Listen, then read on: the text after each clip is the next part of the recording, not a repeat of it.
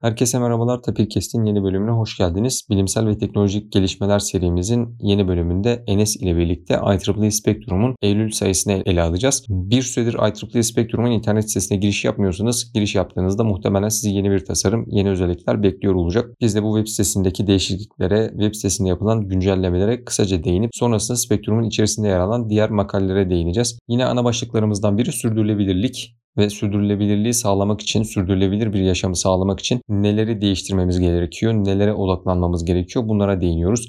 Elektronik cihazların tamir edilebilirliği, araçların karbon salınım miktarları ve hangi araçların tercih edilmesi gerektiği, elektrik destekli bisikletler, elektrik destekli araçlar gibi konulara değiniyoruz. Sonrasında Spektrum'un ana konusu olan 2. Dünya Savaşı'nda pek çok kişinin bildiği Enigma makinesine, şifreleme araçlarına, şifreli haberleşme konularına değiniyoruz. Bu noktada önemli bir e, skandal diyelim geçtiğimiz haftalarda gündeme geldi. Pek çok devletin şifreli haberleşmesinin kendi iç yazışmalarının e, Amerika, Almanya gibi ülkeler tarafından izlendiği, takip edildiği ortaya çıktı. E, bu konuda birkaç gelişmeye değiniyoruz. Sonrasında da yapay zeka başlığı altında toplayabileceğimiz birkaç konuya değinip bölümümüzü sonlandırıyoruz. E, Spektrum'da daha pek çok farklı konuda pek çok farklı makale bulunuyor. Bunları Spektrum'un Eylül sayısında sizler de bulabilirsiniz. Açıklamalar kısmında belirtiyor olacağız. Okumak isteyenler açıklamalardan Spektrum'un sayfasına yönlendirmeleri bulabilirler. Keyifli dinlemeler dileriz.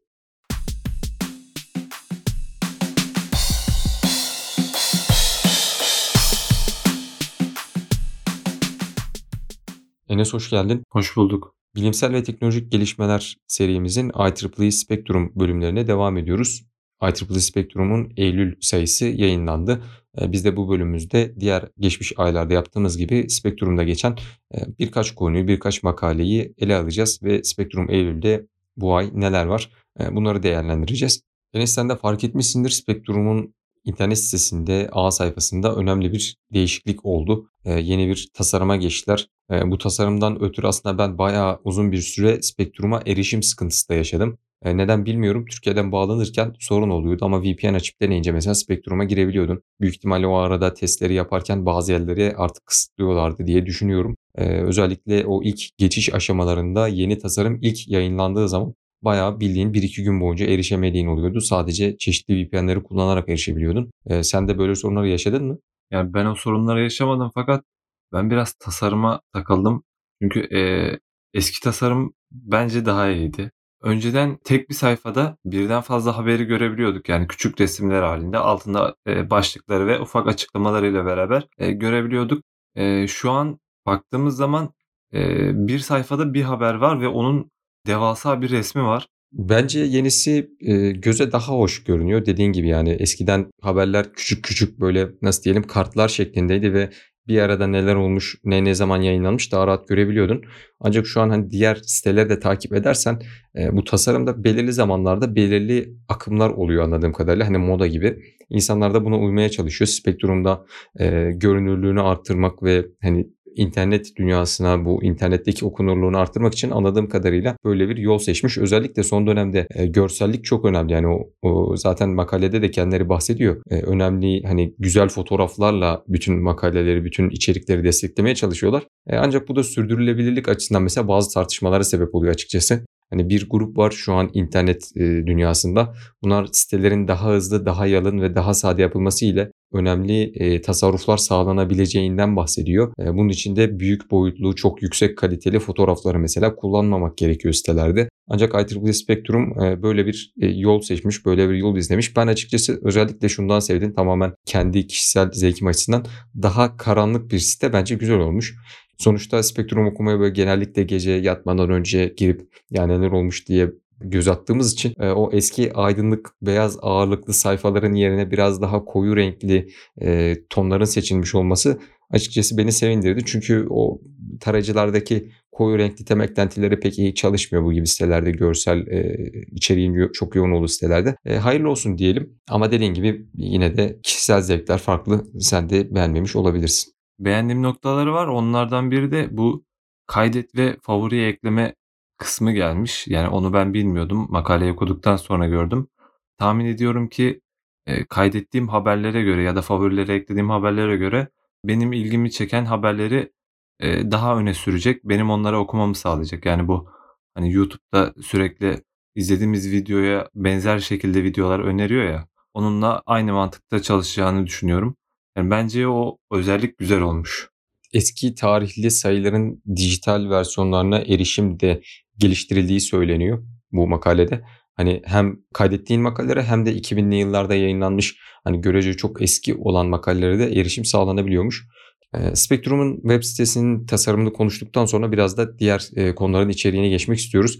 E, hani sürdürülebilirlik konusunda daha önceki Spectrum sayılarının hemen hemen hepsinde zaten değindik. Bu konuya çok ağırlık veriyor çünkü iklim krizi şu an artık dünyada herkesin çok derinden yaşadığı, etkilerini çok derinden hissettiği bir konu haline geldi ve bunun gittikçe daha da ciddi bir hal alacağı söyleniyor. Bu konuda yapılmış çeşitli çalışmalar var. Örneğin mesela şunu sen de duymuşsundur.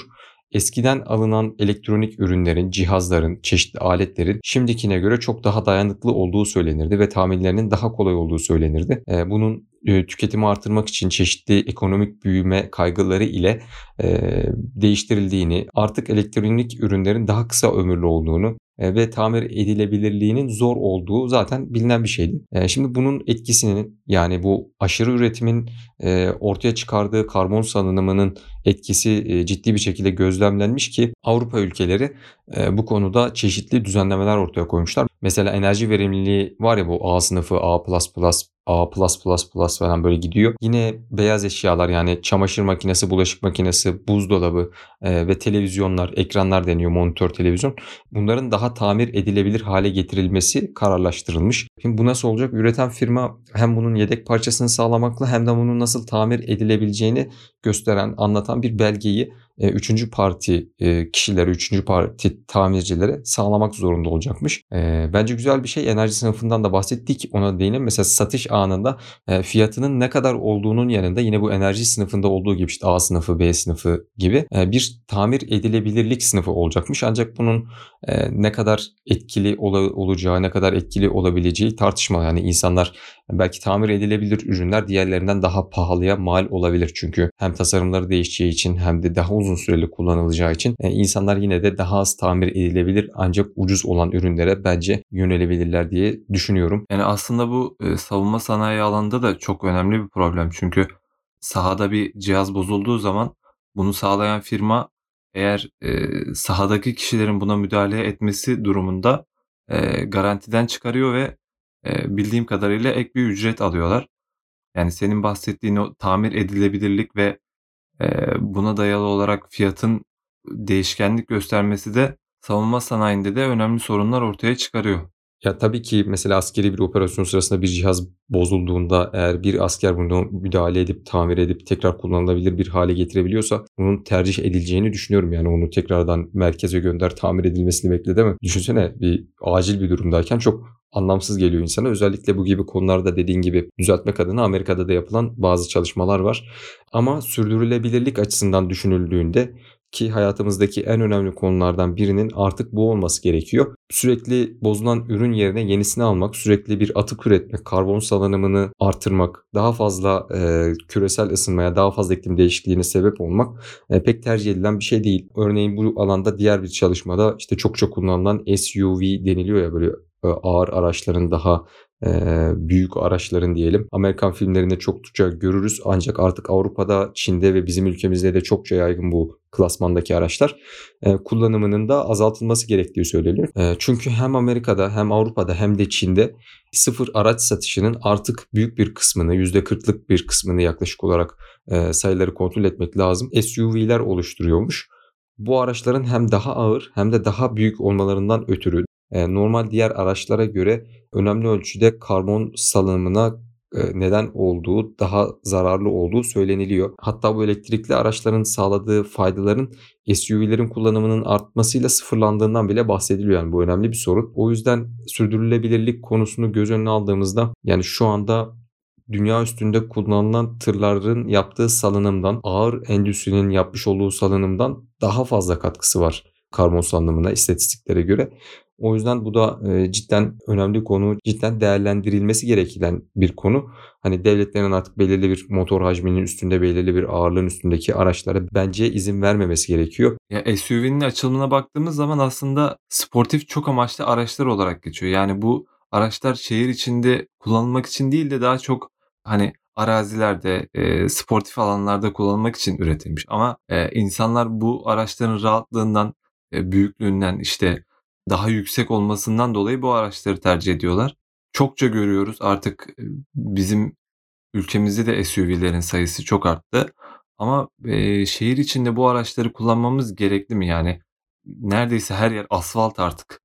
Eee, yani bu kadar yüksek, eee, bu kadar, eee, arazi için yapılmış araçları kullanmamız gerekiyor mu? Bence bir soru işareti. Bunun yerine daha zararlı olabilecek, eee, alternatiflere geçmemiz artık gerekli diye düşünüyorum. Çünkü sürdürülebilir bir yaşam kurmamız gerekiyor artık. Sen de bahsettin. İklim sorunları her geçen gün artıyor. Eee, yani bu araçların artması da iklim sorunlarının, doğa sorunlarının artmasına neden oluyor diye düşünüyorum. Zaten he herkes tarafından da bu kabul edilmiş bir gerçek. Bu konuda ben de şunu ekleyebilirim. Mesela bulunduğum konum gereği özellikle pandemi döneminde biraz daha, eee, rahat edebilmek adına bir ilçede yaşadığım için, eee, ve oradaki rahatlığı, ferahlığı gördükten sonra tekrardan İstanbul'a gidip o trafiğe, işte, SUV'lerin, jiplerin, araçların olduğu, metrobüslerin olduğu yere girmek, eee, insanı biraz kötü de etkiliyor açıkçası. Bu yüzden, hani, daha yaşanabilir, daha sürdürülebilirin içine, eee, her şeyi katmamız gerekiyor. Biz, eee, bu elektrik destekli bisikletler var. Bunlardan, 1 tane edinmiştik. Herhangi bir yere markete giderken, işte, uzak bir yere giderken bir işin olduğunda sen pedal çevirdikçe destek veriyor. Sen, hareket ettikçe, yani, sana bağlı olarak gelişen bir şey. Sadece belirli kademeleri var. İşte, yokuş çıkarken 4'üncü kademeyi alıyorsun mesela, sana daha fazla destek sağlıyor. Özellikle market alışverişi konusunda arabaya ihtiyaç bile duymuyorsun. Çünkü sağına soluna böyle, eee, nasıl denir, heybe gibi bir şey takıyorsun ve bunlar yaklaşık bir tanesi zaten 30 litre ve 60 litrelik bir çantayla, marketteki hemen hemen çoğu ihtiyacını, eee, görüp gelebiliyorsun. Sadece, işte, büyük su alırsan o sıkıntı oluyor. Eee, bu tarz, elektrik destekli bisikletlerin zaten İstanbul'da da mesela Martı diye biliyorum sanırım. İsmi de öyle yerleşti. Elektrikli scooter'lar oldukça kullanımı arttı. Ulaşım için, şehir içi ulaşım için özellikle bu tarz elektrikli bisiklet gibi, elektrik destekli bisikletler ve scooter'lar gibi alternatiflerin yaygınlaştırılması ve teşvik edilmesi gerekiyor. Eee, bence daha, eee, yaşanabilir çevreleri oluşturabilmek için. Hatta bir bisikleti elektrik destekli bisiklete dönüştürmek için neler yapılması gerektiğini anlatan, işte, bu Spektrum'un ünlü Hands On bölümünde Do It Yourself de deniyor, hani, kendin yap bölümünde, eee, detaylı bir şekilde anlatılıyor. Tabii insanlar alıp bunu dener mi bilmiyorum ancak, bir, eee, merakınız varsa, böyle şeylere ilginiz varsa bir elektrik destekli bisikleti nasıl yapabileceğinizi oradan görebilirsiniz. Eee, bu noktada süreyi göz önünde bulundurarak, sürdürülebilirliğe geniş bir bölüm ayırdıktan sonra diğer konulara da geçmek istiyorum Enes. Biliyorsun kriptografi konusunda, geçtiğimiz günlerde, geçtiğimiz aylarda önemli, skandallar yaşandı diyebiliriz. Özellikle ülkelerin, eee, birbirleriyle haberleşmesi, ülkelerin kendi içinde şifreli haberleşmeleri konusunda önde gelen şirketlerden birinin, işte, Amerikan İstihbarat Ajansı ve Alman İstihbarat Ajansı tarafından aslında yönetildiği, eee, bütün cihazlarda bir arka kapı olduğu ve pek çok milletin, pek çok devletin gizli bilgilerinin yıllardır, gözetlendiği, izlendiği, bilindiği ortaya çıktı. Eee, bu konuda da, eee, bu şirkette eskiden çalışmış, tecrübesi olan hatta bu, tarz, ajanlık işlerini diyelim gerçekleştiren kişilerin iş arkadaşı olan bir, çalışan derginin bu sayısına önemli bir, makale yazmış. Bu cihazların nasıl, çalıştığını anlatıyor. Tabii ki ilk zamanlarda, güvenilir haberleşmeyi sağlayabilmek için henüz, yarı iletkenlerin, dijital teknolojilerin olmadığı bir dünyada ortaya konulan şey daha çok çarkların, dişlerin bulunduğu bir sistemdi. En önemli örneği de sanırım Almanya'nın 2. Dünya Savaşı'nda kullandığı Enigma makineleriydi. Hatta bunun şifrelerinin nasıl kırıldığı hakkında da Alan Turing vasıtasıyla, eee, önemli, eee, filmler çekildi, önemli anlatımlar gerçekleştirildi.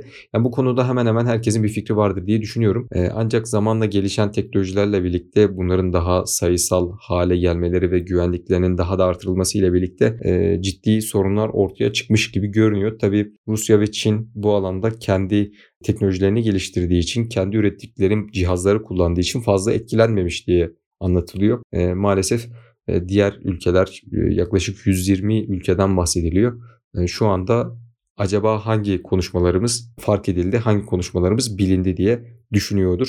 Özellikle bu konulara Muhammed Ali Aydın Hoca ile birlikte çektiğimiz veri güvenliği, gizlilik ve e, siber istihbarat gibi konularda değinmiştik. Muhammed Ali Aydın Hoca orada önemli noktalara değinmişti. Ülkelerin verilerinin neden ülkenin içinde tutulması, yerli teknolojilerin geliştirilmesinin önemi, milli teknolojilerin geliştirilmesinin önemi e, bunlara değinmişti. Bu örnekte sanırım e, hocanın orada bahsettiği bütün her şeyi kanıtlar nitelikte. Eğer sizin kendi haberleşme, kendi şifreleme yönteminiz yoksa Rusya gibi, Çin gibi değilseniz maalesef diğer ülkelerin sizin haberleşmenizi dinlemesi, sizin gizli mesajlarınızı okuması oldukça kolay. Ülkelerin kendi teknolojilerini geliştirmeleri senin de bahsettiğin şifreleme, e, haberleşme, güvenlik alanlarında çok önemli. Ama bir diğer atılım yapabileceğimiz yani e, şu anda çok revaçta olan bir konu olan otonom araçlar var. Yani Rusya bu konuda otonom araçları tarım alanında kullanmak üzere bir geliştirme yapmış. Yani bu gelişme benim çok hoşuma gitti çünkü biz de bir tarım ülkesiyiz ve tarımın otonom olarak yapılması çok faydalı olacaktır. Sen bu konuda aslında biraz deneyimde sahibisin Enes. Yani fındıkların otonom toplanıp e, otonom olarak taşınması seni oldukça rahatlatacaktır diye düşünüyorum. Açıkçası çok hoşuma gider. Yani o yeşilliğin arasında cihazların, e, araçların fındık toplarken ben oranın keyfini sürsem hayır demem yani. Hatta çok da hoşuma gider. Peki sence mümkün mü hani fındık toplama işinde mesela otonom bir cihaz yapmak zorlukları ne olabilir? Ben Giresun'da fındık topladığım için oranın arazisi biraz engebeli. Bu engebeler de yani şu an pek mümkün gözükmüyor ama o engebeleri aşabilecek bir araç yapılırsa bence çok güzel olur. Peki ağaçtan toplama nasıl oluyor? Yani fındığı nasıl indiriyorsunuz? Nasıl bir çuvala giriyor o fındık? Yani iki farklı toplama yöntemi var. Ee, ya fındığın dökülmesini bekliyorsunuz. iyice olgunlaşıp yere dökülmesini bekliyoruz. Ee, ya da e, dökülmeden ağaçtan ellerle toplanması gerekiyor. Yani olabilir dediğim kısım fındığın olgunlaşıp yere düştükten sonra yerden toplanması olabilir. Ama onun içinde ağaçta kalan fındıklar var. O da bir problem.